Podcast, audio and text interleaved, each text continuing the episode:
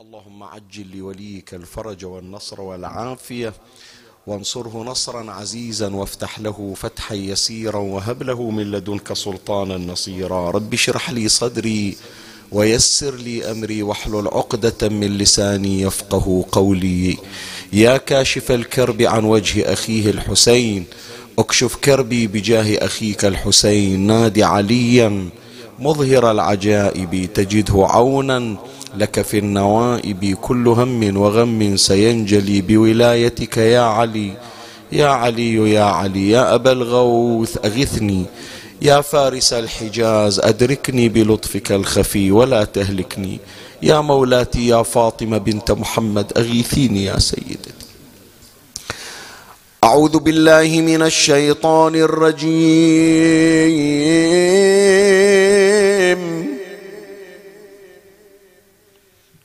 بسم الله الرحمن الرحيم.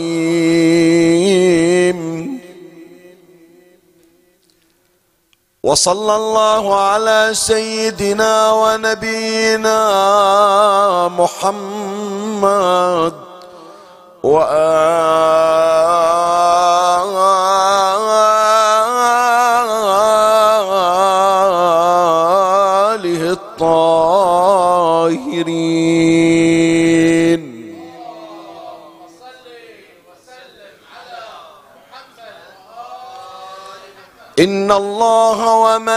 وملائكته يصلون على النبي. يا أيها الذين آمنوا صلوا عليه وسلموا تسليما.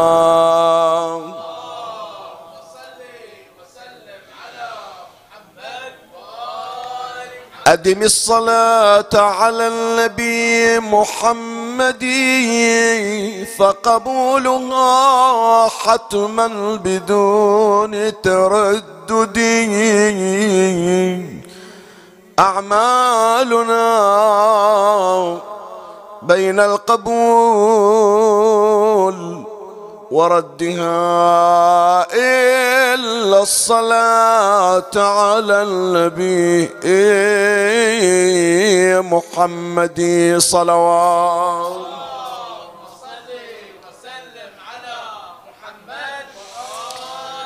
إليكم إليكم كل من تؤول إذا ما قيل جدكم الرسول وفي مدح لكم قرآن طه إذا ما تم إذا تم الكلام فما أقول وفي مدح لكم وفي مدح لكم. قرآن طه إذا تم الكلام فما فما فما أقول كفاكم من عظيم الشأن فخرا إذا ما قيل أمكم البتول صلوات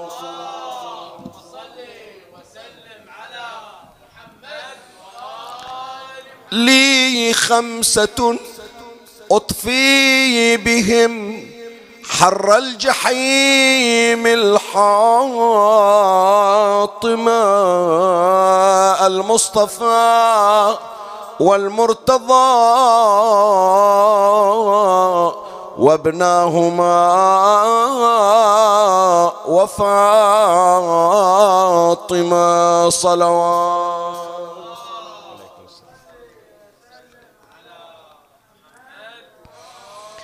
سقى الله أنفاسي من السلسل العذب لأنظم أبكارا من اللؤلؤ الرطب بمدحة بنت المصطفى ينجلي كربي. اللهم اكشف عنا الكرب بجاه فاطمة.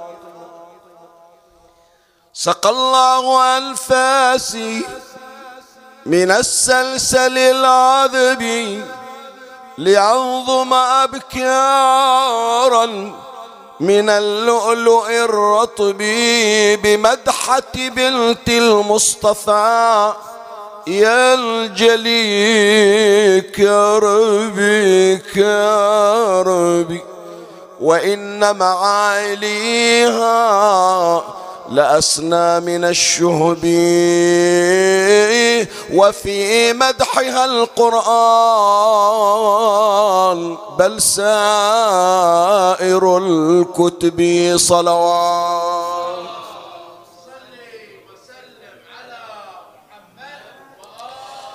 فإن كنت فإن لم تصدق ما أقول ولا تدري فسل آية القربى وسل أسو وسل آية الأجر.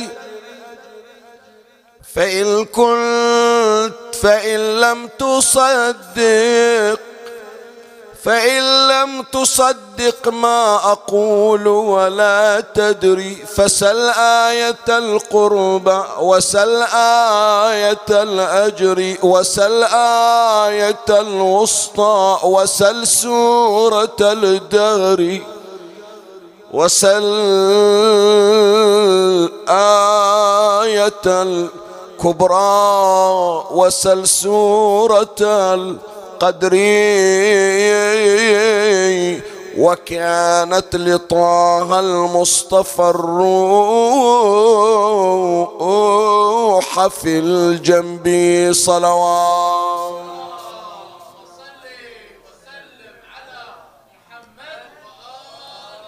حباها أبوها بالكرامة والبشر ربيبة بيت الوحي والنهي والأمر محدثة كانت تحدث بالسر وتخبرها جهرا ملائكة الغر ففي فاطم حارت عقول ذوي اللب صلوات.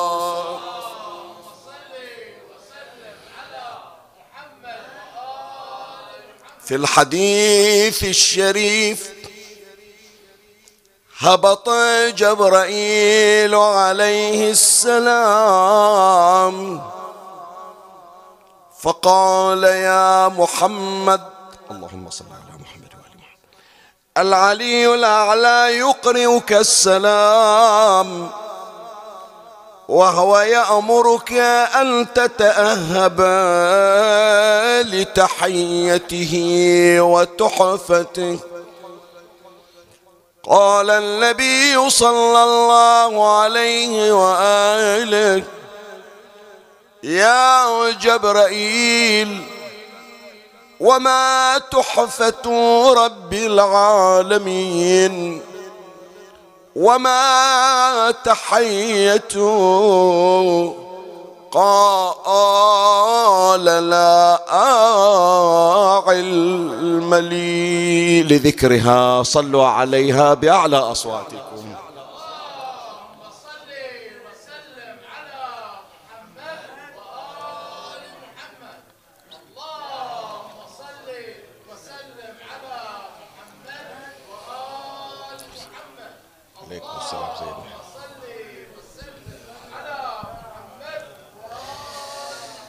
ونحن نعيش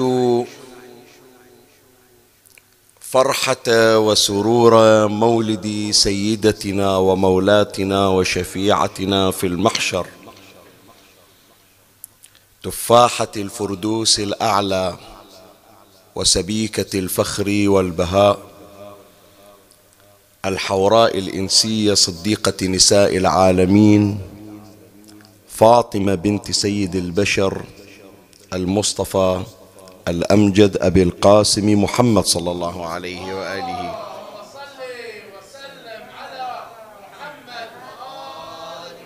كل المجالس في هذه الليلة أينما انتشرت وأينما تبعثرت تحيي ذكرى ميلادها العطر النير. ويفترض في ذكرى المولد الشريف أن تذكر رواية المولد. يعني أنت تعلم بأن الزهراء عليه السلام ولدت في مثل يوم غد. ولكن لا بد أن تمر على رواية المولد الشريف. تيمنا وتعرفا على أسر بعض من أسرارها. ولا تستطيع أن تكشف السر لأنه لا يكون سرا بعد ذلك. وإنما تعرف حجمها من خلال حجم أسرارها وكمية الأسرار فيها. فمن ضمن ما تحويه رواية المولد الشريف هذه العبارة اللي هي مع الأسف يعني أنا أقول لك هي من أهم صفات مولاتنا الزهراء عليه السلام ومن أهم أسمائها ويكفي دون التأمل في محتوى مولاتنا عليه السلام فقط أن تعرف هذا العنوان وهذا اللقب وهذه الصفة. أي صفة؟ أي لقب؟ أي اسم؟ تحفة رب العالمين. الزهراء الزهراء. الزهراء عليه السلام تحفة رب العالمين. حينما أراد الله عز وجل أن يهدي ليس مجرد هدية. الهدايا يمكن أن تتكرر. جنابك أنت شايف؟ شايف يعني في الأعراس شايف في الحفلات. يوزعون هدايا والهدايا عادة تكون متشابهة. يعرفون هذا الكلام يمكن أخواتنا وأمهاتنا. يوم اللي يصير عندهم حفل عرس يوم يصير عندهم مثلا حفلة ميلاد يوم يصير عندهم مثلا حفلة إنجاب يوزعون هدايا والهدايا مشتركة. جيب لنا الهدية الكذائية مثلا نريد خمسين حبة مئة حبة مثلا. كلها نفس الشيء. هذه يسمونها هدايا. الهدايا ممكن أن تتشابه وتتكرر وتستنسخ لكن التحفة التحفة فريدة. التحفة هذه يتيمة شايف؟ لا يقدم تحفة. أصلا سموها تحفة ليش؟ لأنه لا يوجد مثلها. أكو هناك موجود متحف يسمونه. ليش سموه متحف؟ لأنه يحوي التحف. ليش؟ لأنها أشياء لا تتكرر. إذا تكرر شبيه الشبيه يختلف عن غيره. من يصير مستنسخ؟ زين من يصير متكرر لا هذا ما يجيبون المتحف يودون بازار يودون سوق يسوون كذا محل محل هدايا. التحف نوادر ليس كمثلها شبيه. فلما جاءت فاطمة عليها السلام لم تكن هدية رب العالمين وإنما كانت شنو؟ تحفة رب العالمين. يعني لا يمكن أن تأتي فاطمة أخرى. ولن يسمح ولن يسنح الزمن بمثل الزهراء هذه العبارة بس. من تقراها الليلة ومن تمر عليكم من تسمعونها. إخواني أخواتي قاعدين في بيوتكم أو في الحسينيات أو تمرون على المجالس تباعا تسمعون في الروايات في الأخبار تقرؤون في المولد. يا محمد تهيأ لتحفة رب العالمين. هذه بس أوقفوا عندها. بس هالعنوان هذا أوقفوا عنده. ولهذا الليلة في ذكرى ميلادها سلام الله عليها. حتى تعرف إحنا الليلة شعدنا. حتى تعرف. ما أقول بس الشيعة المسلمون عامة الليلة شعدهم. شلون هذا الحفل حفل مميز بمعنى الكلمة. هذا الإحياء إحياء مميز بمعنى الكلمة.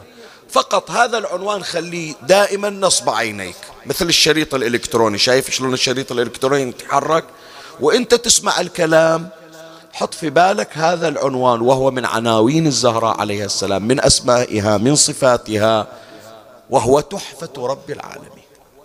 فأنا راح أوقف وياك عد هالكلمات الثلاث تحفة رب العالمين.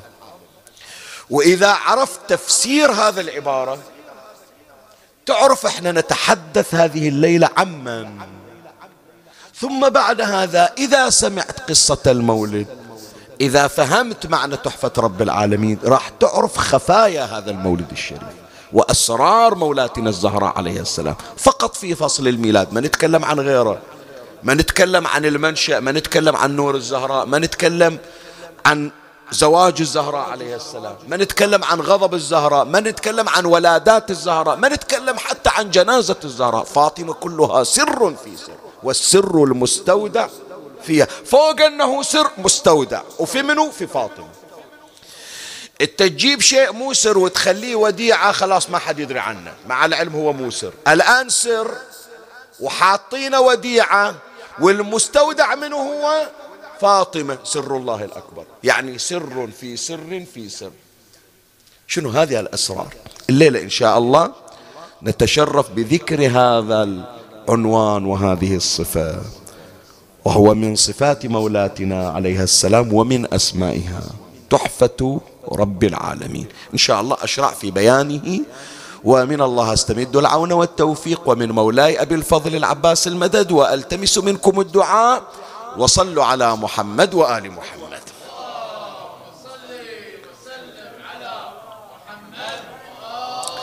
هذا العنوان إلا ما يأخذ ربع سطر من, حي من حيث الكم. والذي يملأ مساحات السماوات والأرضين بل كل ذرة في الكون. ومن أول ثانية شهدتها الموجودات والمخلوقات إلى آخر ثانية. ثلاث كلمات. تحفة رب العالمين. من نجي مثل ما يقولون نفصصها نحللها. نفتهم من تحفة رب العالمين شنو؟ عندنا ثلاثة أشياء. هذا اللي إن شاء الله راح نتكلم عنه في المطلب الأول. ثلاثة أشياء خلوا في بالكم. مهدي ومهدى وهدية. الهدايا عادة والتحف ثلاثة أشياء. مهدي يعني هذا اللي يعطي الهدية. ومهدى أو مهدى إليه اللي يعطون الهدية. والركن الثالث شنو هو؟ الهدية نفسها. زين خلنا نشوف هالأركان الثلاثة. أما المهدي من هو؟ الله عز وجل. زين. إلا راح تجيه الهدية المهدى إليه من هو؟ شخص بقامة نبينا محمد صلى الله عليه وسلم.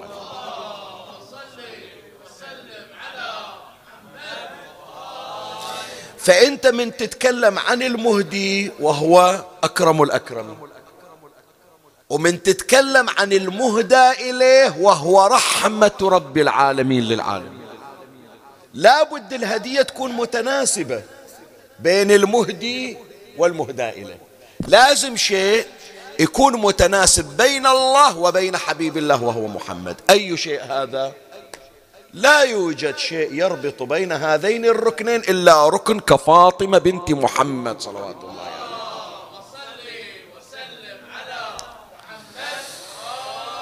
بس انت قد تشكل علي تقول لي شيخنا مو قحط. حتى إحنا من نودي هدية هم هالأركان الثلاثة موجودة. أنا من أعطي هدية أنا المهدي. ولا أسلم الهدية هذا المهدى إليه والهدية واضحة بعد. فإذا شنو الميزة؟ أنا أقول لك. خلي أول في أول مطلب نشوف المهدي وهو الله تبارك وتعالى. إذا أراد الله أن يهدي هدية. ما نتكلم عن النعمة لا. النعم الله تبارك وتعالى هو المنعم.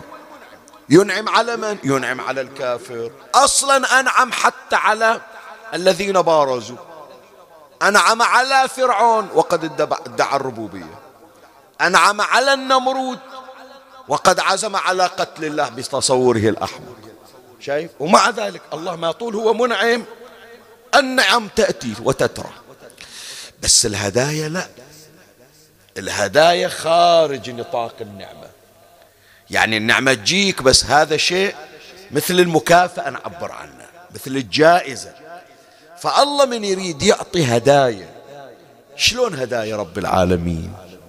خلي الآن يعني حتى تعرف أنه هذه حجم هدية هذه الليلة حجم تحفة هذه الليلة. لازم أول شيء أعرفك الهدايا من الله شلون؟ زين من غير أنه يخلي من غير أنه تحط في بالك النبي صلى الله عليه وآله. لا الله يريد يعطي هدية. شلون تيجي الهدايا من الله؟ القرآن يطالعنا بمجموعة من, من الهدايا الإلهية. مثلا من هذه الهدايا هدية الله تبارك وتعالى إلى نبيه زكريا عليه السلام. زكريا لا هو نبي من أولي العزم. ولو يريدون يصفون النبي صلى الله عليه وآله ويصفون زكريا. إيش تتصور زكريا يصير راس براس ويا النبي؟ أصلا لا قيمة لزكريا أمام هذا الم... هذا هذه الرحمة وهذه النعمة المهداة. هذه الهدية المهداة. ما نقول زكريا ومحمد هذا بخس إلى حق رسول الله صلى الله عليه وسلم مع مقام زكريا.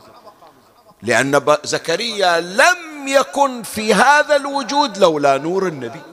يسمونه علة الإيجاد لولا نور النبي صلى الله عليه وآله. كان ما خلق شيء ومن المخلوقات زكريا واحد من المخلوقات. فهو علة إيجاد رسول الله صلى الله عليه وآله. لكن مع ذلك هذا اللي هو مثل ما يقولون مسبب للمسبب. علة للمعلول. العفو معلول للعلة. تمام؟ خلنا نشوف من طلب من الله شيء. الله إيش أنعم عليه. القرآن يشير في سورة مريم. بسم الله الرحمن الرحيم. كاف ها. يا عين صاد. ذكر رحمة ربك عبده زكريا. إذ نادى ربه نداء خفيا. قال ربي إني وهن العظم مني واشتعل الرأس شيبا. ولم أكن بدعائك رب شقيا. وإني خفت الموالي من ورائي. وكانت امرأتي عاقرا فهب لي من لدنك وليا.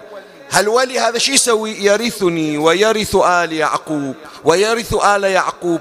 واجعل عفوا. يرثني ويرث من آل يعقوب. واجعله ربي رضيا. شوف شوف هو الآن هذا خطاب زكريا عليه السلام. أول شيء قبل لا يقول يا ربي هي كلها طلبة شنو؟ كل طلب زكريا هذا. اي وهب لي هب لي من لدنك وليا.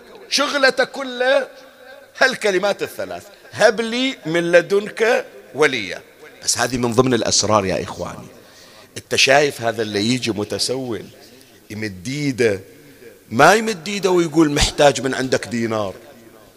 أو ما يجي يقول لك عطني دينار. أصلا من يجي يقول لك عطني دينار حتى لو بتعطيه تهون. بس أجي يسوي لك خطبة كلها استعطاف أنا فقير أنا طار ديني أنا مثلا مريض أنا عندي عيال أنا علي فواتير أنا ويجيب لك عاد صدق كذب ما نحكي فيها. بس الغرض من هذا السرد شنو؟ الاستعطاف. زكريا سوى هالشكل. شوف الكلمات كلها في البداية. زين كلها استعطاف طلب العطف الإلهي. إذ نادى ربه نداء خفيا. يعني مو نداء عادي مثل سائر الناس. لا يدور مكان بروحه يصير. ومن يحكي يستحي. شلون أكلم الله؟ هي واحدة. ثانيا ما قال يا ربي هب لي من لدنك وليا. لا. أول عرض حالته. وهنا العظم مني. إيه بعضهم يقول شنو يعني وهن العظم مني؟ يقولون فعلا يعني كبرت وعجزت. وبعضهم يقول لا. يقول بأنه صرت ضعيف على المقاربة الجنسية. ضعيف ما أقدر ألاقي زوجتي. يعني حتى لو السبب الطبيعي بيسوي ولد بيجيب ولد السبب الطبيعي منتفي. فأنا أستحي أقول الله هذا وضعي. فاستخدم عبارة ملطفة وهنا العظم مني. زين بعد فوق هذا اشتعل الرأس شيبا يعني كبر سني فأنا ما عندي حتى الحيوانات المنوية الكافية لإنجاب الولد. كلها هذه جابها من باب التورية. بعد فوق هذا أيضا يقول أنا عندي سبب الولد مو حب, مو حب الفطرة فحاس. مو أريد ولد أدلله وأرقصه وإن كانت هذه الغريزة عندي. بس أنا خايف على الأسرة اللي عندي وإني خفت الموالي. يعني محتاج إلى ولد يتولى الشؤون. أنا الآن جاي أدير مجموعة من الوظائف من أموت منه إلهم ذول الموالي. فشوف كل استعطاف. وفوق هذا أيضا يقول أصلا الطلب من أطلبه أدري أنه مستحيل لكن أملي يا ربي فيك حسنا. وإلا يا ربي أنت تعلم وكانت امرأتي عاقرة. يعني حتى لو أنا في ريعان الشباب حتى لو عندي القدرة على المقاربة تمام لو لا. حتى لو ما عندي أحد ينتظرني من الموالي. زين إذا زوجتي رحمها معطل عن الإنجاب منين أجيب؟ أطلع من الجدار الولد. فأدري الأسباب الطبيعية كلها تقول بأن هذا مستحيل. بس يا ربي لا شيء يستحيل عليك. وأنا طامع في نعمك أنا طامع في رحمتك. شوف من اجى بهالخطاب الاستعطاف وهذا درس يا إخوان. درس. أنت قبل لا تطلب الحاجة لازم تعيش حالة الانكسار أمام الله عز وجل. لازم تعيش حالة التصاغر مع الله تبارك وتعالى. شوف أمير المؤمنين سلام الله عليه. يعني. إيه نعم. قالع باب خيبر. قالع باب خيبر تعرف اللي عنده قدرة جسمانية هذا؟ شايف أنت؟ ما أدري يعني شايفين لو لا. في حلبات المصارعة. قبل لا تبتدي المصارعة هذا من يجي المصارع لازم يظهر غضبه ما يظهر مسكنته وأنه ضعيف. لكن أمير المؤمنين عليه السلام مع قوته وبطولاته في الحروب وقلعه للباب خلى يوقف في صلاة الليل. الله أكبر الله أكبر. إلا تسمع عنا علي بن أبي طالب يحكي عنا أبو الدرداء يقول كالخشبة اليابسة يطيح. ما يندرى عنه حي لو ميت. هلا تسمعه ولهذا الشيخ رجب البرسي هالشكل قال هو البكاء في المحراب ليلا هو الضحاك إن جد الضراب علي التبر والذهب المصفى. وباقي الناس كلهم تراب هو النبأ العظيم. وفلك نوح وباب الله وانقطع الخطاب. صلوا على محمد.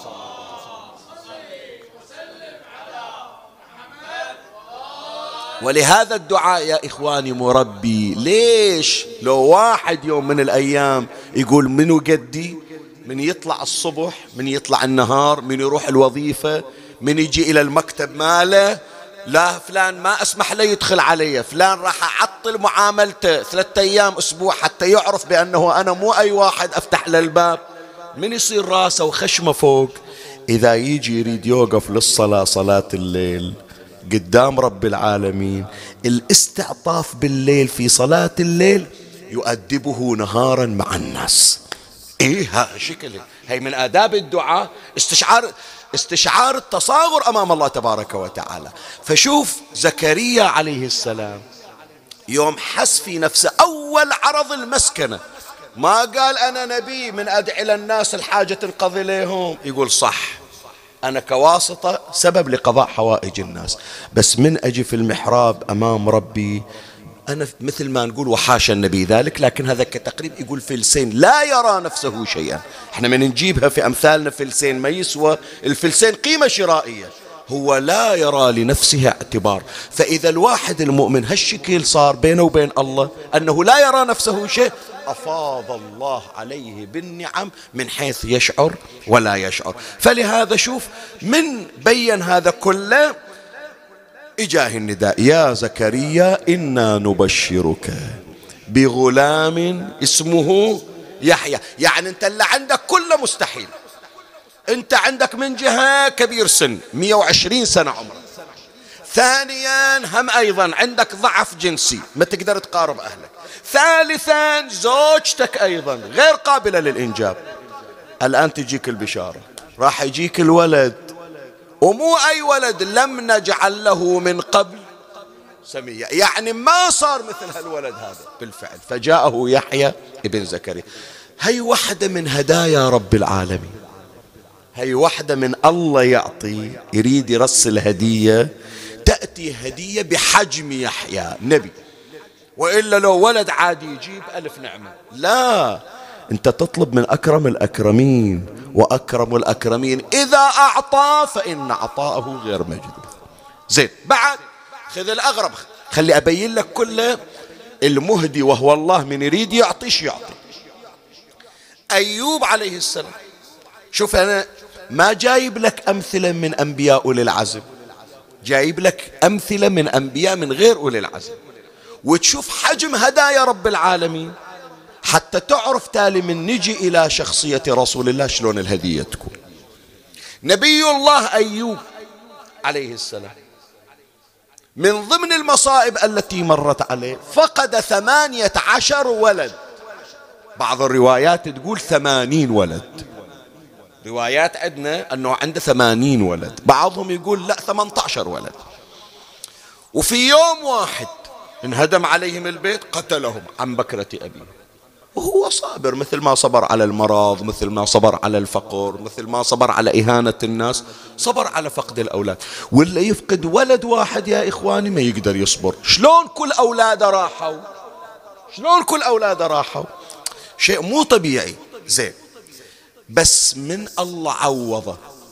كلمة واحدة هي قالها. نفس زكريا ترى اتذكر نفس زكريا. ما قال أريد أولاد.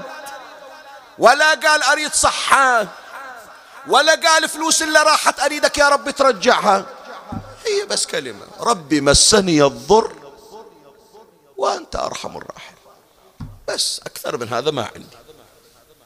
إيه وأيوب إذ نادى ربه أني مسني الضر وأنت أرحم الراحم بعد أقول لك ليش أقول لك؟ ما أحتاج حتى أقول له جبرائيل هذا تشوفني. أولادي هذه قبورهم صارت مقبرة عندي أنا بروحي مقبرة عندي. من أولادي. هذا مرضي ثمان سنين مشلول. هذه. زوجتي بنت الأنبياء خدامة تشتغل في البيوت. هذا الناس اللي كانوا كل واحد هذا يبوس إيدي هذا يبوس راسي. أول ما شمت بي شمتوا بي إخواني من أمي وأبوي. لو علم الله في أيوب خير لما ابتلاه. واحد يأشر عليه يقول كذاب واحد يقول تبين بأنه ما ندري شو مسوي من ذنب حتى الله بلاه إحنا المذنبين الله ما بلانا هالبلوى. شوفوا وش مسوي. شماتة. شماتة. لاحظ؟ قال ما أحكي. ربي مسني الضر. وأيوب إذ نادى ربه أني مسني الضر. شوف الله من عطاء أيوب كل العطايا خلها على صوت الثمنة عشر ولد اللي راحوا. من الله يريد يعوض أيوب. المفروض شلون يعوضه؟ يعني على أقل التقادير الثمنة عشر ولد محلهم ثمنة عشر تمام لولا بدال اللي راحوا يجي عدد مثلهم. لا. مو اجى هالشكل. هذا أنا وأنت إحنا نسويها. هذا أنا وأنت إحنا نسويها. ذاك البعيد أطلع مثلا بالغلط أشمخ سيارتك. وما ملتفت أجي أقول لك تصريحها على حسابي. أرجعها لك مثل الوكالة. بعد أكثر ماكو هالكلام. أنت شايف واحد شامخ لسيارة واحد اشترى إلى سيارة أكثر حداثة منها؟ ما سمعنا. بس رب العالمين أكرم الأكرمين. تدري شلون الله عوض أيوب عليه السلام؟ اولا قال لايوب كم ولد راح؟ 18 ولد. أعطيك محلهم 18 ولد غيرهم. بامتيازات ما كانت موجودة عندهم. يعني إذا ذولاك أقمار أعطيك 18 شموس. إذا ذولاك مؤمنين أعطيك 18 ولد أولياء. زين بس هذا لا. وتعال إلى القبور المقبرة اللي عندك مكان بيتكم اللي تحتوي على 18 ولد دفنتهم. أريد من عندك بس تركل برجلك القبور. يطلعون أولادك اللي متحسف عليهم ينفضون التراب من عليهم. فلهذا الله شوف شلون هديته إلى أيوب عليه السلام. عوض الله أيوب بثمانية عشر ولد وعوضه بالثمانية عشر ولد اللي فقدهم طلعوا من إيه وهذا ما ذكره القرآن. ووهبنا له أهله. منو أهله؟ الأولاد اللي ماتوا رجعناهم إلى وهبناهم إلى. ومثلهم معهم. يعني فوق الثمانية عشر اللي ماتوا رجعوا من الموت أعطيناه بعد 18 ولد غيرهم. ووهبنا له أهله ومثلهم معهم رحمة منا وذكرى لأولي الألباب. شوف كرم رب العالمين شلون. الليلة أنتوا على مائدة الزهراء أم الكرم. اي نعم أم الحسن مولاتي. اذكروا المرضى. اذكروا المحرومين من الذرية. اذكروا أصحاب الحوائج المتعسرة. اذكروا كل واحد سألنا الدعاء. لا تقول لي شيخنا يصير لو ما يصير. هي فقط المفتاح مالك. المفتاح الإقبال على الله وحبك لمحمد وآل محمد صلوات الله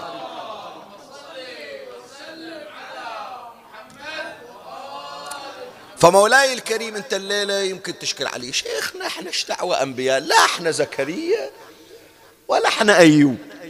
تمام لولا؟ هذيلاك إذا الله عطاهم أنبياء. حتى لو ما وصلوا إلى مقام النبي صلى الله عليه وآله. بس أنبياء. أنا أبو الذنوب. أنا أبو المعاصي. شوف الله عز وجل يعطيك بما هو الله مو بما أنا العاصي. لو يا إخواني لو بمقدار ما نحن إيش عندنا إحنا من شيء نمن به على الله؟ بشرفك قول لي. بشرفك. إيش عندك أنت شيء تمن به على الله؟ إي عندي. شنو؟ والله ذيك السنة الجو حار ورحت أحج رحت تحج الصحة من وين جبتها؟ النول هذا الرزق من وين جاك؟ مو هذا كله. الإقبال الرغبة في الحج من وين إجت؟ كله ببركات الله عز وجل. أنت لست مستقلا بذاتك. فما عندك منة على الله. لا تقول بأنه أنا مسوي شيء أستحق. لا الله هو المتفضل. الله هو المنعم. فالله من يعطي حتى لو كنت عاصي حتى لو كنت مذنب حتى لو كنت مجرم حتى لو كنت صاحب خطايا يعطيك بما هو أرحم الراحمين. يعطيك بما هو أكرم الأكرمين. يعطيك بما هو المنعم المتفضل المنان الحنان. إيه؟ فلهذا إحنا لما ينزلونا في القبر من فصول التلقين شي خاطبنا الشيخ وإحنا في القبر؟ واعلم يا ياسين ابن محمد أن ربك نعم الرب. اي نعم يعني حتى لو أنت طالع شايل لك نقلة ذنوب أنت قاصد أكرم الأكرمين. إي والله قاصد أرحم الراحمين. يا جماعة إحنا هذا إحنا شايفينها الآن في فنادق. أنت تروح الفندق يحط لك كل يوم يجيب لك شاي وكل يوم يجيب لك قهوة وكل يوم يبدل لك صابون وكل يوم يجيب لك شامبو وكل يوم يغير لك وهو ما مطلوب من عنده. بس يقول أنا أكسر عينك بكرمي ومن وراها مقابل. تعال لرب العالمين وانظر كيف هي كر... كيف هو كرمه وكيف هو. فداء رحمة ربي أنا. زين تعال شوف ما نحكي عن أنبياء لا زكريا ولا أيوب. أذكر لك الآية وتعرف أنا إيش أقصد لك. قوله عز من قائل في سورة الكهف وأما الغلام فكان أبواه مؤمنين فخشينا أن يرهقهما طغيانا وكفرا. فأردنا أن يبدلهما ربهما خيرا منه زكاة وأقرب رحمة. الخضر يسولف ويا موسى. إجا شاف طفل مثل الوردة قطعة قمر. تراكي بإذين بأذانه. مثل الوردة. كل من شافه متونس بس بشكله. إجا إلى الخضر حط السكين ببطنه شق بطنه قتله. قتلت نفسا بغير نفس. إيش دعوة؟ ليش؟ قال له أنا أقول لك ليش؟ هذا اللي الآن متونس من عنده يوم عمره خمس سنين ست سنين مثل الوردة. أعطى بس عشرين سنة. شوف إيش راح يسوي. يطلع لك نمرود يطلع لك فرعون يطلع لك أدولف هتلر يطلع لك ستالين يطلع لك موسوليني يطلع لك شنو؟ يجنن الخ... يخبل العالم. هذا اللي متونس من عنده. بس شوف رب العالمين من الله يريد يعوض المؤمنين شنو؟ يقول خله يطلع هالولد من الدنيا ويتذكرونه ويقول كانوا عد كان عندنا ولد مثل الوردة. ولا عقب عشرين سنة يلعنون الساعة اللي شافوا فيها ولد. ينيمهم على دمعة ويقعدهم على صفعة تسمع له لا ياما أناس يا إخواني. قالوا لو ندري ما طلبنا أولاد. لو ندري هالولد بيطلع بهالصورة كان ما طلبنا أولاد. بس الله رحمة منه بالأبوين المؤمنين. صح أخذ الولد. الولد هذا أخذه بعده في أول العمر تدري التعويض من الله الهدية الربانية شنو؟ يقول الإمام الرضا عليه السلام اسمع. فأبدل الله والديه بنتا ولدت منها سبعون نبيا من أنبياء بني إسرائيل. محل الولد اللي انذبح. الله عطاهم بنت. البنت جابت إلى ذولا سبعين نبي. كل ما شافوا بنو إسرائيل السبعين نبي قالوا رحمة على والدينكم اللي جابوا هالبنت اللي شالتكم أنتم يا أنبياء. شايف؟ بينما لو ذيلين المؤمنين جابوا ولد وكل ما شافوه الناس مأذنهم شتموهم. شنو الفائدة فيا إخواني إحنا من نذكر زكريا ومن نذكر أيوب. ومن نذكر المؤمنين الوالدين المؤمنين ونشوف الله شلون أهداهم هالهدايا وهذه التحف. فكيف إذا أراد رب العزة أن يهدي هدية إلى أحب خلقه إليه وهو أبو القاسم محمد صلى الله عليه وسلم.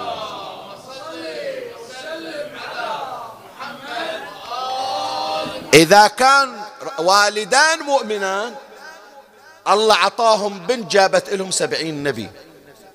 شلون هذول إذا كان محمد صلى الله عليه وسلم؟ وشلون إذا كانت البنت فاطمة؟ ليس بغريب أن تأتي لرسول الله بصاحب العصر والزمان عجل الله فرجه الشريف فإذا هذا أول أمر المهدي وهو الله بينت لك من الله يريد يعطي هدايا. وأذكرك ترى بأصل الكلام. قلت لك فرق بين الهدية وبين شنو؟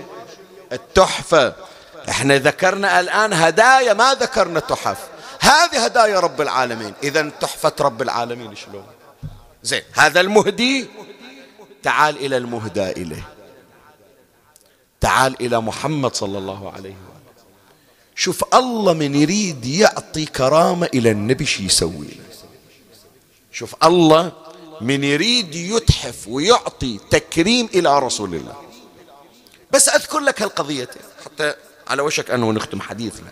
يعني الليلة هذه كلها كل تأمل في مقاماتها صلوات الله عليها.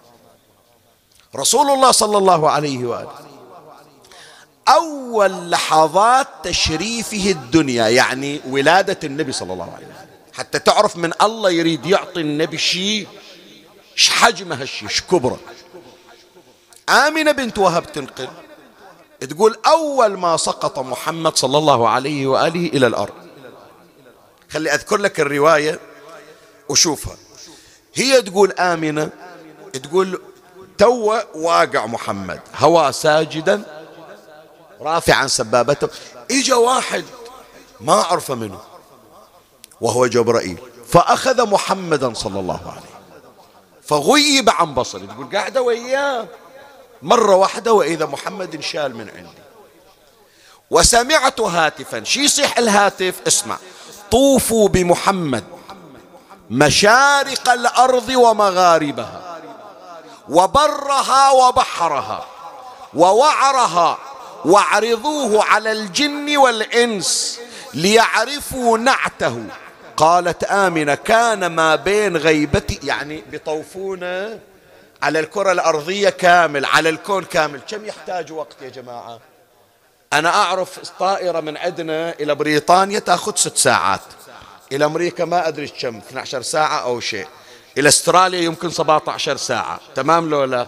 الآن الطائرة راح تدور على الكرة الأرضية برسول الله صلى الله عليه وسلم. طائرة السماء طائرة الملكوت. وراح تطلع إلى السماوات العلى وإلى الأراضين السبع. كم يحتاج النبي؟ كم وقت يحتاج؟ هي آمنة تقول. قالت آمنة كان ما بين غيبته ورجوعه أسرع من طرفة عين عيني ما غمضت وإذا محمد عندي. أسرع من طرفة عين وإذا هو قد جاءوا به. الآن طرفة العين تغير علي محمد. هو نزل إلى الأرض كما ذكرته مختونا. الآن من إجا؟ مقمط وشايل بإيده شيء. اسمع الرواية ما تقول. وإذا هو قد جاءوا به إلي وهو مدرج في ثوب أبيض من صوف وهو قابض على مفاتيح ثلاثة. بعد وهو مقابض على مفاتيح ثلاثة. ورجل قائم خدام إلى خدام إلى النبي صلى الله عليه وسلم من أول لحظة الولادة. ورجل قائم على رأسه وهو يقول قبض محمد على مفاتيح النصر ومفاتيح النبوة ومفاتيح رسول الله صلى الله عليه وآله. بنفس الوقت الله كرم النبي في ليلة الميلاد. بعد في المحشر شوف الكرامة الإلهية. في المحشر في الرواية أن رسول الله صلى الله عليه وآله يقول إذا قامت القيامة نصب للأنبياء منابر. وكان منبري أعلى منابر الأنبياء. فأصعد على أعلى مرقات. وتأتي أنت يا علي وتصعد دوني بمرقات. ويأتي رضوان خازن الجنان. ويقول أيها الناس من عرفني فقد عرفني ومن لم يعرفني فأنا أعرفه بنفسي. أنا رضوان خازن الجنة وإن الله بمنه وكرمه أمرني أن أدفع مفاتيح الجنة إلى محمد. ثم يأتي مالك خازن النيران ويقول أيها الناس من عرفني فقد عرفني ومن لم يعرفني فأنا أعرفه بنفسي. أنا مالك خازن النيران وإن الله بمنه وكرمه أمرني أن أدفع مفاتيح النيران إلى محمد. ثم يأتي جبرائيل وبيده لواء يسمى لواء الحمد ويقول أيها الناس من عرفني فقد عرفني ومن لم يعرفني فأنا أعرفه بنفسي. أنا جبرائيل وإن الله بمنه وكرمه قد دفع إلي لواء الحمد وأمرني أن أدفعه لمحمد. فأكبر لواء في القيامة. ومفاتيح الجنة يعني الجنة ملك منه؟ ملك النبي. والنار ملك منه ملك النبي. يقول رسول الله فأدفعها لك يا علي فأنت قسيم الجنة والنار.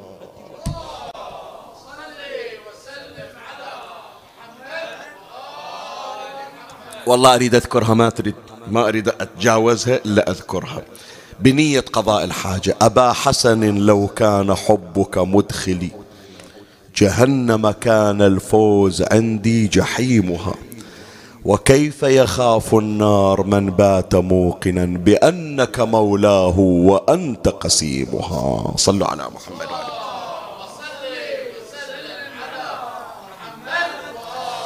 زين بعد لا أكثر من هذا. هذا كله حتى تعرف المهدى إليه إيش قد من الله يريد يعطيه يعطيه شيء ليس كمثله شيء.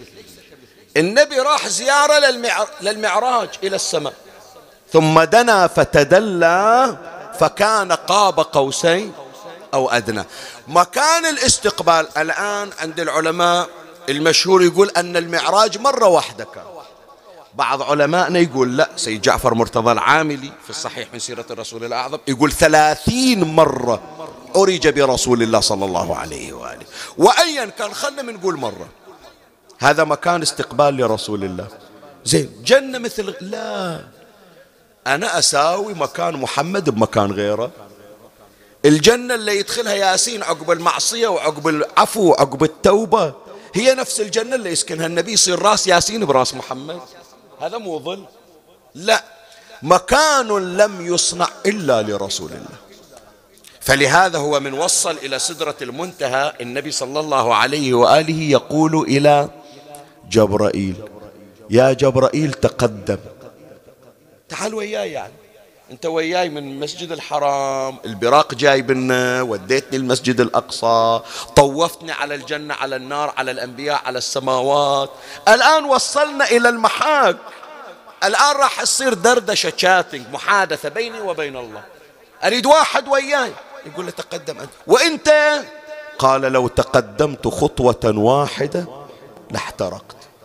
إيه إيه إيه. مع العلم شوف هيفكر فيها يعني هي من أسرار النبي صلى الله عليه وآله. إن جبرائيل مصنوع من شنو؟ لا حديد ولا طين نور. لكن نور محمد يطغى على نور كل شيء بما فيهم جبرائيل.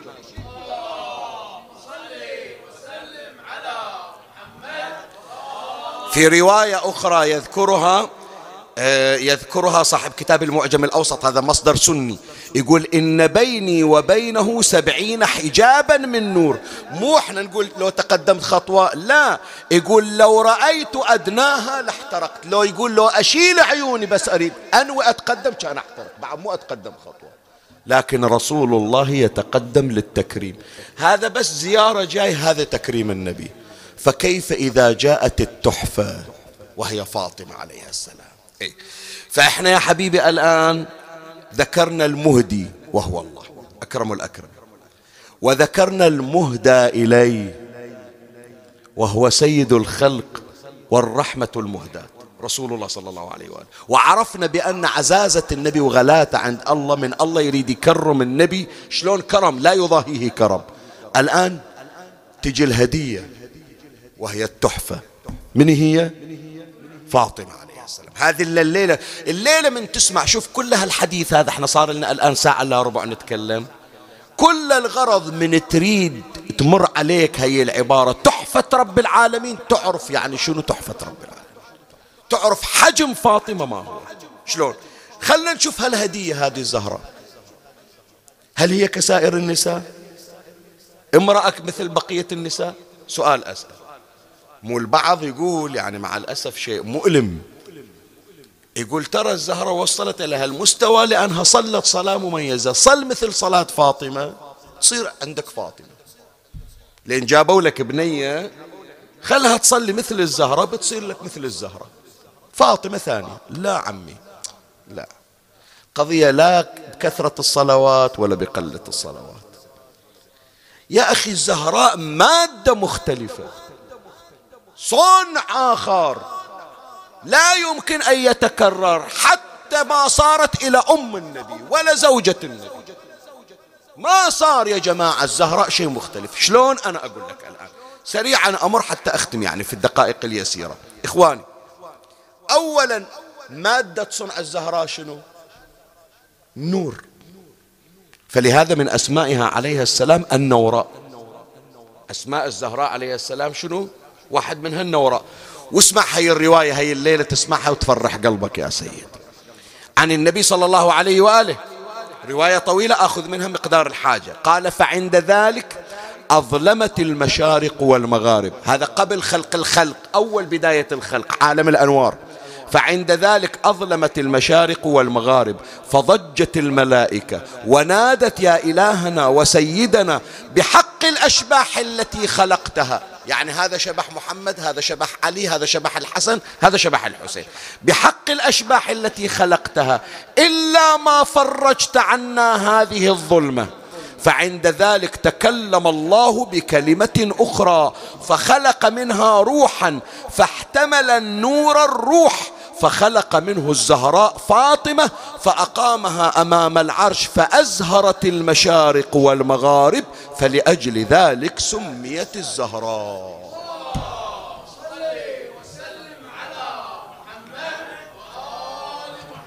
إذا تسمح لي بس عشر ثواني مو أكثر. إيه في الرواية أن الله تكلم كلمة فكلمة الله خلقت نور محمد وعلي والحسن والحسين. ما اجت فاطمة في الكلمة الأولى.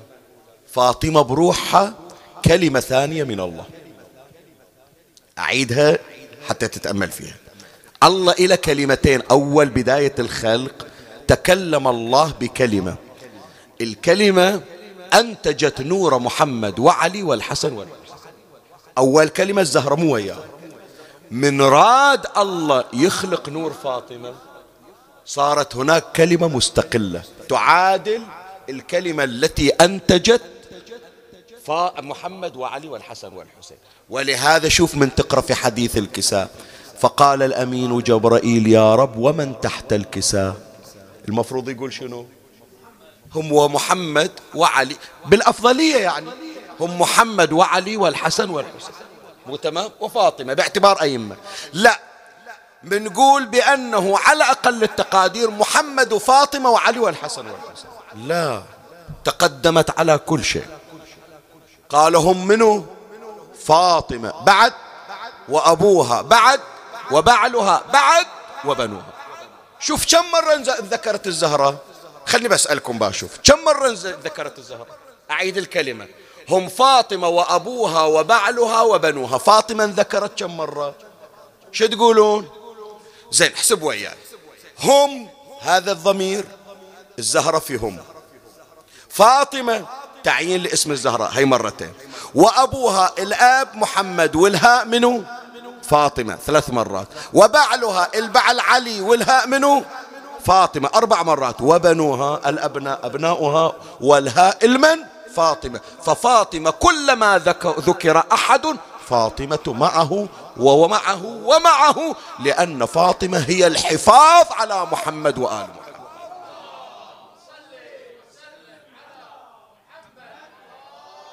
فإذا أولا هذه الهدية مادتها شنو نور؟ تكوينها. الآن مادة الصنع عرفنا الأصل نور. الصنع شلون؟ الصنع من فاكهة الجنة. الإمام الرضا عليه السلام يقول قال رسول الله صلى الله عليه وآله لما عرج بي إلى السماء أخذ بيدي جبرائيل عليه السلام فأدخلني الجنة فناولني من رطبها. طبعا الروايات كثيرة مرة تذكر تفاحة مرة تذكر سفرجلة مرة تذكر عنقود من عنب مرة عذق من رطب مرة مجموع فواكه الجنة. فأدخلني الجنة فناولني من رطبها فأكلته فتحول ذلك نطفة في صلبي. فلما هبطت إلى الأرض واقعت خديجة فحملت في بفاطمة عليها السلام ففاطمة حوراء إنسية فكلما اشتقت إلى رائحة الجنة شممت رائحة ابنتي فاطمة.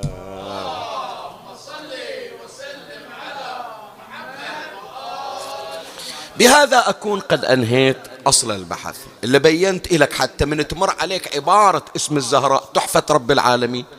عرفت المهدي من هو وعرفت المهدى إليه من هو وعرفت الهدية ما هي.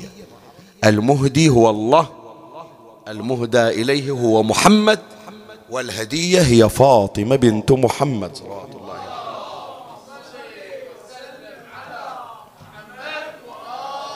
سريعا أريد أمر وإياكم على قصة المولد الشريف. ثم نأتي بعد هذا إلى حدث الولادة. الليلة تستحضرون حوائجكم. الزهراء عليها السلام. عليها السلام مفتاح الحوائج. يقول النبي صلى الله عليه وآله لسلمان يا سلمان إن حب فاطمة ينفع في مئة من المواطن. أيسر تلك المواطن أهوال يوم القيامة. فلا تقول لي عندي حاجة متعسرة ما تستوي. قدام الزهرة كل شيء يستوي. سر الله في الأرض والسر المستودع فيها. النبي صلى الله عليه وآله كان جالسا بالأبطح ومعه جماعة من أصحابه ومعه أمير المؤمنين عليه السلام ومعه عمار. فهبط الأمين جبرائيل على رسول الله صلى الله عليه وآله. فقال يا محمد العلي الأعلى يقرئك السلام ويأمرك بأن تعتزل خديجة. ليش؟ لا تسأل. كم يوم؟ لا تسأل. مطلوب من عندك الآن أن تنفذ الأمر. تصير في عزلة وتبتعد عن خديجة. وهي طبعا أسرار بحثناها في سنوات سابقة مو الآن معرض الحديث عن هذا زين مع ذلك شوف الآن لو النبي ما خبر خديجة هل عصى الله عز وجل؟ لكن مع ذلك شوف الزوج الحنون المحب إلى أهله. صح هو الآن لازم ينفذ العزلة. الآن لابد ما يروح إلى خديجة. نزل الأمر ما تشوف خديجة. لكن مع ذلك شوف حب النبي إلى أهله. خليه يسمعون بعض الأشخاص. اللي يغيبون عن عيالهم ليلة ليلتين ما يدرون عنهم. هو متونس ويا ربعة. أهله هناك في قلق ما ندري أبونا إيش صار عليه ما ندري أهل تعرض لحادث أحد حاكى أحد أذى. هذا رسول الله وأمر الله وهي خديجة. لكن هو منتهى الحنان ومنتهى الوفاء. هذا درس خلوه هاشتاج يفيد بعض الأسر والبيوت. فأرسل النبي صلى الله عليه وآله عمار بن ياسر إلى خديجة. قال لها خديجة ترى النبي سلم عليك. ويقول لك ترى نازل أمر بأنه يدخل في خلوة في عزلة. واختار إلى مكان بيت أم فاطمة بنت أسد لأن فاطمة بنت أسد حضنت النبي صلى الله عليه وآله ويناديها أمي. فهو هناك في بيت فاطمة بنت أسد. وترى يا خديجة ترى لا تتصورين هذه العزلة والابتعاد عنك لقلن أو سأم؟ يعني صادر من عندك شو هذه عقوبة؟ لا لا لا لا. واعلمي يا خديجة إن الله يباهي بك ملائكته كل يوم وليلة.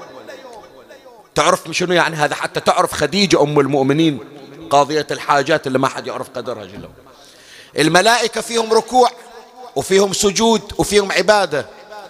كل يوم نهار وليل. الله يقول لهم وقفوا عبادتكم اسمعوا كرامات خديجة بنت خويلد. يعني كرامات خديجة عند الملائكة المباهاة فوق عبادتهم. كبرها خديجة؟ واعلمي يا خديجة إن الله يباهي بك ملائكته في كل يوم وليلة. فإذا جن عليك الليل فأجيفي عليك الباب. سدي الباب ترى ما راح أجي أنا. وآوي إلى فراشك. فإني في دار فاطمة بنت أسد. هذا عمار إجا شال الرسالة وداها إلى خديجة بنت خويلد. تقول لا خديجة تقول له أنت ماخذني حتى تتركني وتروح إلى مرت عمك فاطمة بنت أسد؟ تعرفني أنا منه لا. حتى تعرف هالمرأة شلون وصلت إلى هالمستوى. كل ليلة مثل ما أمر النبي. من يجي الليل سدت الباب وآوت إلى فراشها. بس عمي أنا أحكي وياكم أنت هذه السنة مرت عليك ما رحت المدينة وزرت النبي. يمكن بعض أولادنا اللي توهم جايين من المدينة يوم اللي يطلع من المدينة كان روحه ظلت هناك. تمام لولا اللي زاروا النبي يوم اللي بيطلعون يقول ما ندري بعد نرجع ما نرجع. تحس بالحزن لفراق رسول الله. فكيف بالتي تفارق محمدا ذات محمد؟ هذا شيء يصير بحاله فلهذا كل ليلة خديجة بمجرد تسد الباب وتأوي إلى فراشها يقولون دمعتها على خدها تبكي على فراق النبي. وأربعين يوم وليلة النبي في دار فاطمة بنت أسد. صائم وهي من الأعمال. يعني شوف مع العلم أن النبي منتهى الطهارة والكمال لكن لابد تنقية تنقية بالصيام وهذا من أثر الصيام وبركات الصيام. كل يوم النبي صائم من يجي الإفطار يلتفت إلى أمير المؤمنين يقول له يا علي قف عند الباب وابتغي لي ضيفا نشوف منه مار يجي ياكل وياي. أمير المؤمنين وقت الإفطار يوقف على الباب من يشوف واحد حياك تفضل. رسول الله يريد يفطر تعال. افطر وياه. أربعين يوم على هذا الحال. يوم الأربعين. هبط جبرائيل على رسول الله صلى الله عليه وآله. يا محمد العلي الأعلى يقرئك السلام ويأمرك بأن تتهيأ لتحفته وهديته. زين ما يخالف من عيني. يا جبرائيل ما تحفة رب العالمين وما تحيته حتى أتهيأ لها يقول ما أدري. والسر المستودع في حتى جبرائيل ما يدري إلى ذيك الساعة. في مكنون علم الله فاطمة ما أدري. أنت كنت تستعد. زين هذا التهيؤ من رسول الله شلون يصير؟ هذا يجينا إن شاء الله. إن وفقنا في مجالس لاحقة. نفس عبارة تحفة رب العالمين هي تحتاج إلى حلقات كثيرة. أنت عليك تتهيأ ولا وآمر. الزهراء مو وحدة عادية. هذا اللي يريد يقول أنا خادم فاطمة. وهذا اللي يريد يقول أنا أريد أصعد حتى أقرأ مولد الزهراء أو وفاة الزهراء. يا أخي أبوها وهو سيد الكائنات. أمر من الله أن تتهيأ لمقدمه اعرف لما تقول أنا خادم فاطمة يعني شنو خادم فاطمة؟ إيه. اعرف لما تقول أنا خادم فاطمة يعني شنو أنا خادم فاطمة؟ من نكون حتى نصل لهذا المستوى؟ جبرائيل بكبره. من يريد ينزل بالقرآن ما يستأذن. لكن من يريد يوصل لكساء فاطمة أتأذن لي يا رب أن أهبط إلى الأرض؟ في الوحي ما يحتاج يستأذن مهمة وظيفته. لكن الدخلة على بيت فاطمة. أول إذن من الله وحتى الإذن من الله. يعقبه بعد ذلك استئذان ثاني من رسول الله. كبرها فاطمة؟ دخيلها مولاة أم الحسن. يوم الأربع يوم الأربعين يا محمد تهيأ لتحفته وهديته لتحفته وتحيته. قال وما تحفة رب العالمين؟ قال لا علم ما أدري. زين.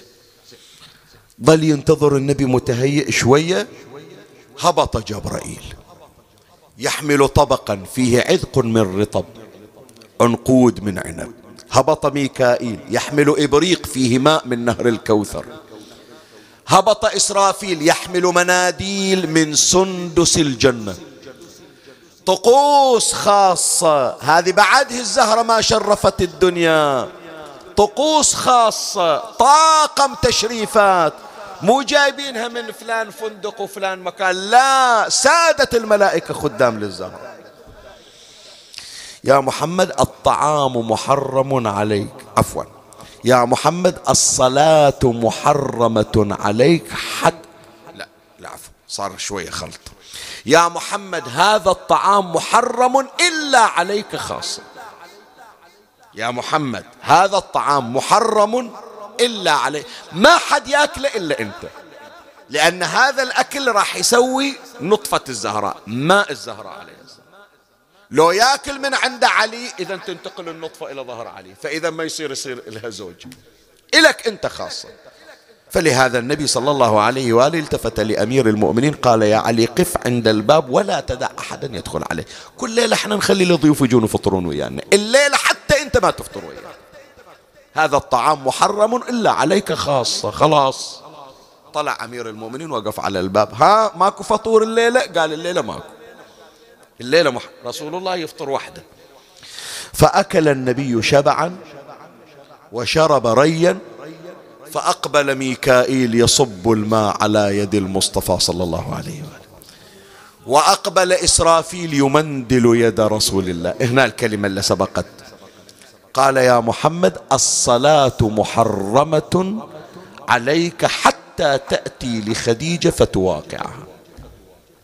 شلون يعني صلاة الليل هذه؟ إيه؟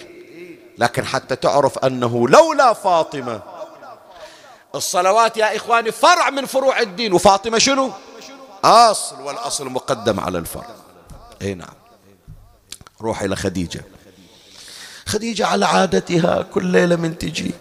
تسد الباب تأوي إلى الفراش. تقول والله وحشنا أبو القاسم. اشتقنا له. ما شفنا. توها سادة الباب وجاية إلى الفراش. وإذا الباب يطرق. فقالت مولاتي خديجة عليها السلام من الذي حرك حلقة لا يحركها إلا حبيبي محمد؟ وإذا بصوت من وراء الباب يا خديجة افتحي فأنا محمد.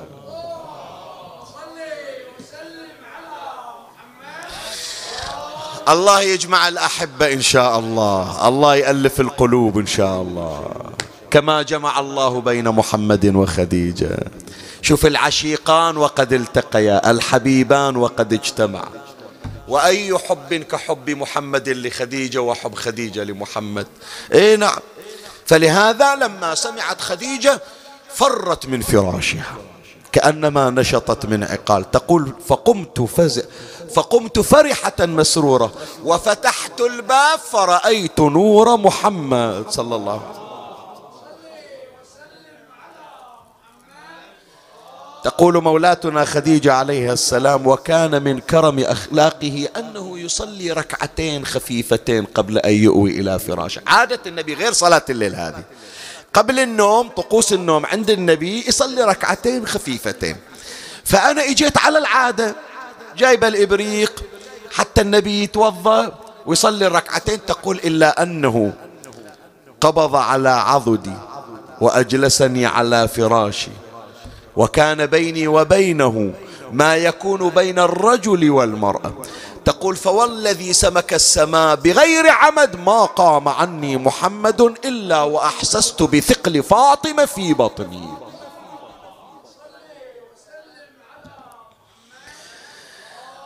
وابتدأ الحمل الميمون. هذه كلها قصة ميلاد مولاتنا الزهراء الحبيبة قلوبنا مولاتي فدوى إلها مولاتي فاطمة. وابتدأ الحمل الميمون. ومع هذا الحمل المبارك ابتدأت الحملة الشرسة لمقاطعة السيدة خديجة. كل نساء قريش يرسلون لا واحدة تمر عليها لا واحدة تسير عليها. لو تريد الماي ما تعطونها الماي. لو تشوفونها تموت ما واحدة تجيها. فاغتمت لذلك. وما اغتمت لنفسها. لا تقول أخاف يسمع النبي. ويتأذى يقول تسببت لخديجة بالمقاطعة. قريبات تتركها والسبب أنا؟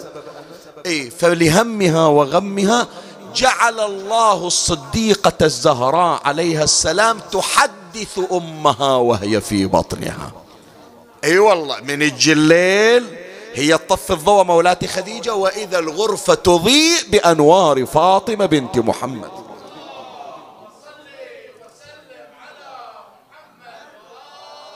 وتبتدي الزهراء عليها السلام تسولف ويا أمها يما لا تخافين أنت ما تدرين. أنت راح تصيرين جدة الأئمة.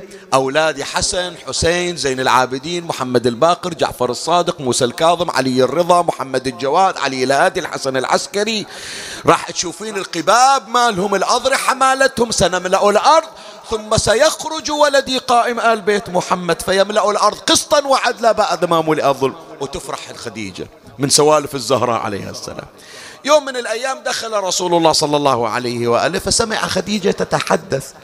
هالشكل مطالعة بطنها وتسولف ويا بطنها فقال يا خديجة مع من تتحدثين؟ فقالت يا رسول الله إن الجنين الذي في بطني يحدثني في الليل ويؤنسني بحديث. لا عندي أهل يمرون علي لا عندي صديقات يمرون علي. ربع إلا وياي كانوا قبل لا أتزوج بيك تركوني. بس الله عوضني بسيدة نساء العالم. هاي هي تسولف بمقاماتها ومكانتها. فتؤنسني بالليل في حديثها. فقال النبي صلى الله عليه وآله يا خديجة هذا جبرائيل قد هبط من السماء يبشرني بأنها أنثى. اسمع إيش أقول لك؟ يلي تقول أريد ولد ما أريد بنت. الله جعل ذرية النبي من هالبنت اللي راضي عنها.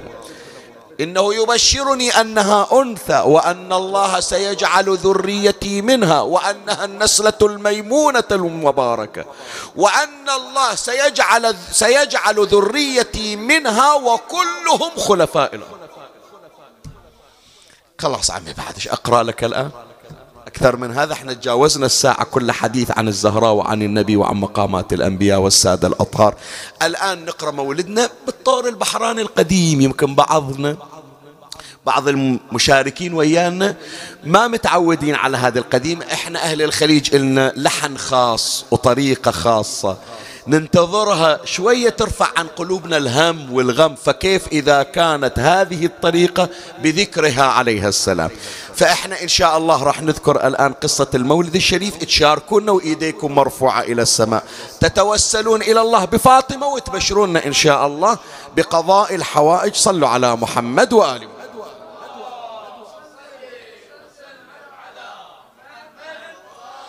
لذكرها الشريف اجعلوا الثانية أعلى من الأولى.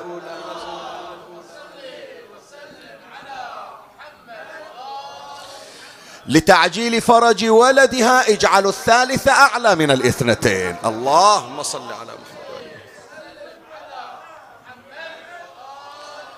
اللهم صل على محمد وآل محمد. اللهم صل على محمد وآل محمد. اللهم صل على السراج المنير والبشير النذير والطهر الطاهر والبدر الزاهر والعلم الفاخر المصطفى الأمجد والمحمود الأحمد. والمنصور المؤيد والنبي الممجد الذي سمي في السماء بأحمد. سمعني صوتك. وفي الأرض بأبي القاسم محمد صلى عافية عليكم. اللهم صل على محمد وآل محمد. اللهم صل على محمد وآل محمد. وفي ذلك يقول مادحهم أفلح من يصلي على الرسول وآل الرسول. يا مستمعين النظام صلوا على البدر التمام محمد.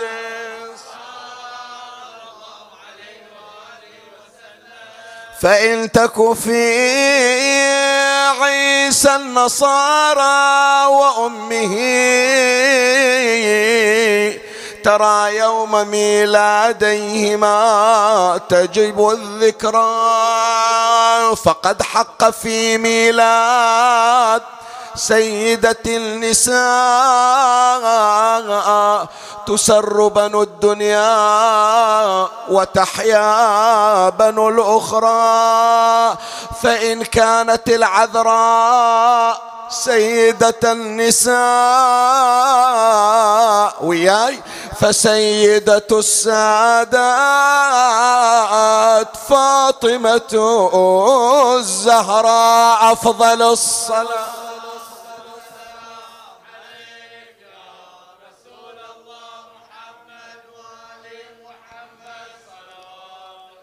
اللهم صل على محمد وآل محمد وقد ورد في الخبر أنه لما جاءت ليلة ميلادها الشريف كانت مولاتنا خديجة قد اغتمت فأرسلت إلى مجموعة من نساء قريش أن تعالين لتلين مني ما تلي المرأة من المرأة.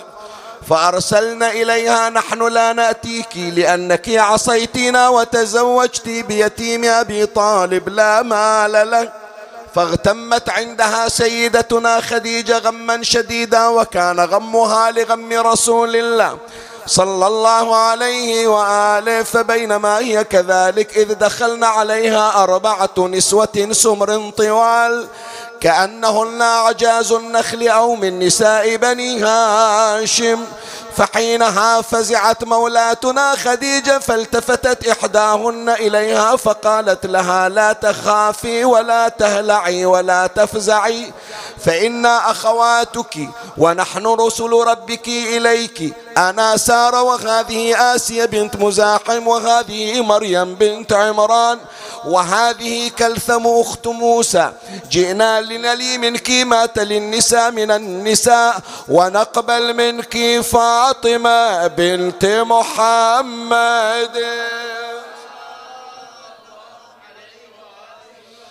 اللهم صل على محمد وآل محمد فلما سمعت مولاتنا خديجة استقر قلبها فاضطجعت على فراشها فأقبلت النسوة الأربع فجلست واحدة عن يمينها والأخرى على شمالها والثالثة عند رأسها والرابعة بين رجليها.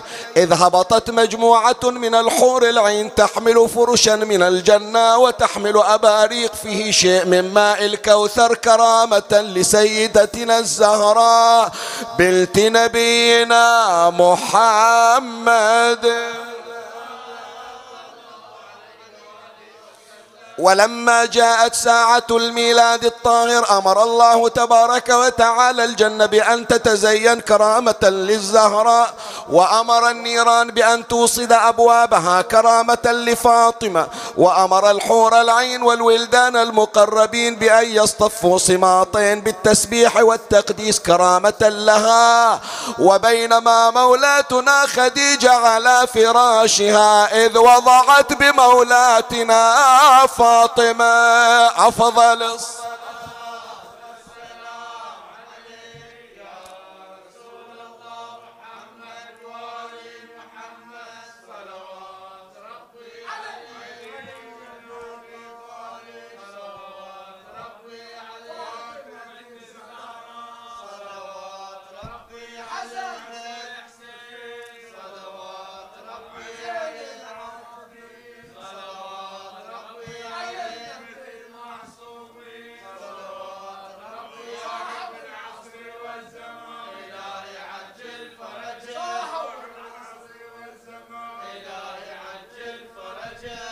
شعيت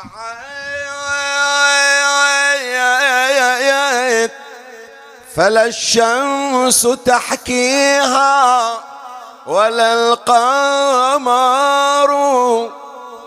إي ثلاثة أبيات. بس كل بيت أريد صلوات تودونها إلى العالم ككل وتصعدونها للجنة وتسمعها الزهراء وهي بالجنة. وتعرف بأنه الليلة إحنا فرحتنا بقدومها لا تعدلها فرحة. شعيت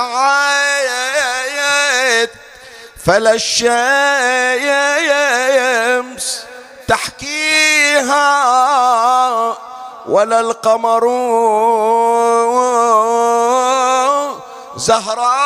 زهراء من نورها الأكوان تزدهر صلوات.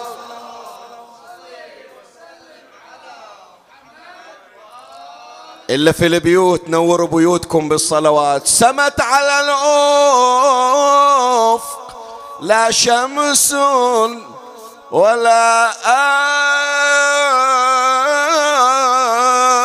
قمر. وفاقت الخلق لا جن ولا بشر. صلوات. فدوى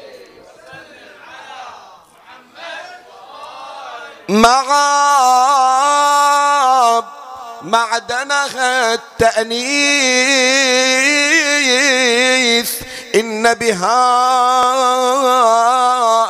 على الرجال نساء الخلق تفتخر صلوات.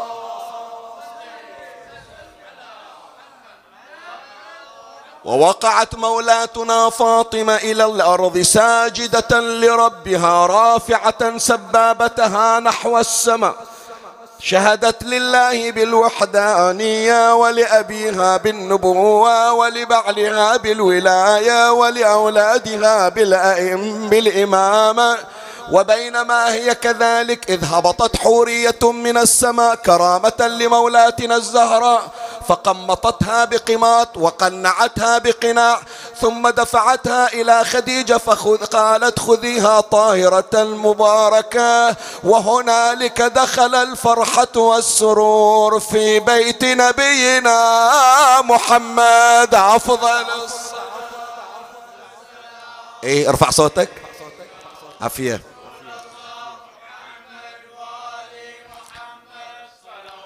علي من قلبك طلعها. علي بن أبي طالب. وينها فاطمة؟ فاطمة الزهراء. الحسن والحسين. أسماء المعصومين. علي زين العابدين. محمد الباقر. جعفر الصادق.